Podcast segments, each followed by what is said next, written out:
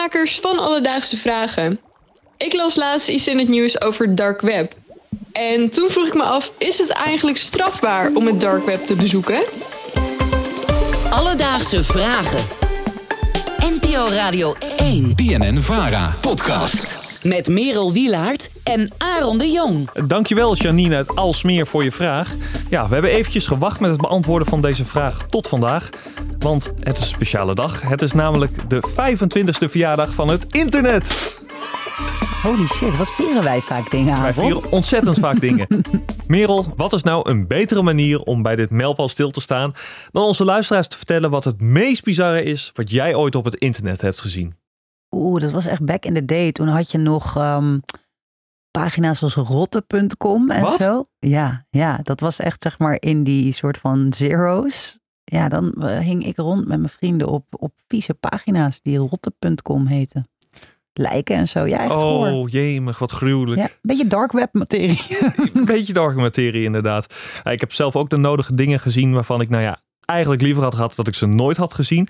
Maar het dark web ben ik zelf nog nooit opgegaan. Ik heb ook een vrij tere ziel, dus als ik iets naars zie, dan slaap ik sowieso één nacht niet. Nou, ik heb politieangst, dus ik zou nooit durven. Nou ja, misschien kunnen we daar met deze aflevering wat eh, verandering in brengen. Want ja, de vraag was natuurlijk ook, ben je strafbaar als je het dark web opgaat? En voor een antwoord op deze vraag belde ik met strafrechtadvocaat Michael Berndsen. Hij is gespecialiseerd in cybercrime en heeft voor zijn werk ook regelmatig te maken met het dark web. Dus Michael, is het eigenlijk verboden om het dark web op te gaan? Nou, in principe niet. Eh dark web is voor iedereen toegankelijk. Je hebt eigenlijk alleen de Tor-browser nodig. Dat is een speciale browser waarmee je daarop kan. En dan mag je daar gewoon rondkijken. Dat is niet verboden. Maar je kunt er wel dingen doen die wel verboden zijn. Eh, denk bijvoorbeeld aan kinderporno die wordt uitgewisseld daar. Of eh, drugs die wordt verkocht en besteld. Dat soort dingen zijn wel strafbaar. Maar gewoon op het dark web rondkijken is niet strafbaar. Oké, dus je kan er in principe gewoon eh, rondhangen als je daar zin in hebt. Als je er zin in hebt, ja. Maar je kan natuurlijk ook eh, semi per ongeluk tegen dat soort dingen aanlopen, toch? Ja. Als in, stel ik kom daarvoor eh, rond, lekker rondkijken, want dat doe je daar.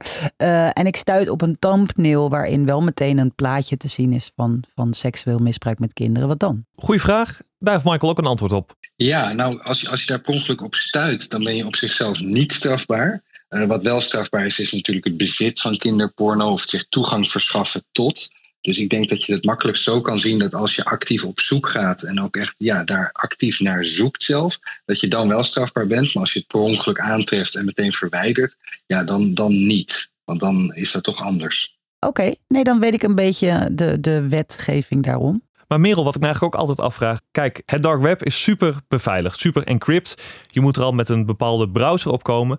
Hoe kunnen mensen dan toch gepakt worden als ze ja, al die veiligheidsmaatregelen nemen? Nou, dat is dus ook mijn vraag, Aaron. Nou, gelukkig kan Michael ons uit de brand helpen. Ja, eigenlijk kan dat niet inderdaad. Want eh, stel dat je gewoon met, met je normale browser naar een website gaat, dan weet je internetprovider welke website je bezoekt en dat jij dat ook bent. Eh, tenzij je weer een VPN gebruikt bijvoorbeeld. Nou, daar zal ik niet te diep op ingaan, maar dan weet je VPN-provider het weer. Maar bij Tor eh, is dat gewoon anders. Dat is technisch zo geregeld eh, dat dus niemand kan zien wat jij doet en wie jij bent, et cetera. En waar de server staat waar je naartoe gaat. Dus dat is die anonimiteit. Maar soms kun je er toch achter komen, bijvoorbeeld sporen op een PC.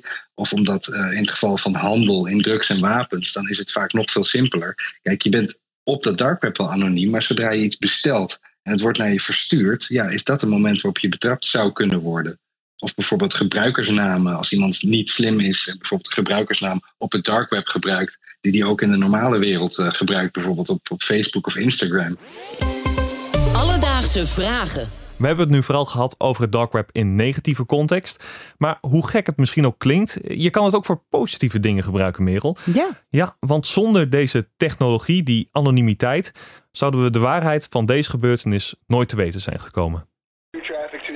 Come on, fire. Keep shooting. God damn it, Kyle. Sorry. I hit him. I- Oh yeah, look at those dead bastards. Best wel heftige geluidsfragmenten. ja, klinkt nog steeds heel dark web. Ja, zeker. Maar wat je hier hoorde was de gelekte video Collateral Murder. En daarin is te zien hoe het Amerikaanse leger onschuldige burgers in Bagdad neerschoot. En deze video is gelekt door het welbekende Wikileaks.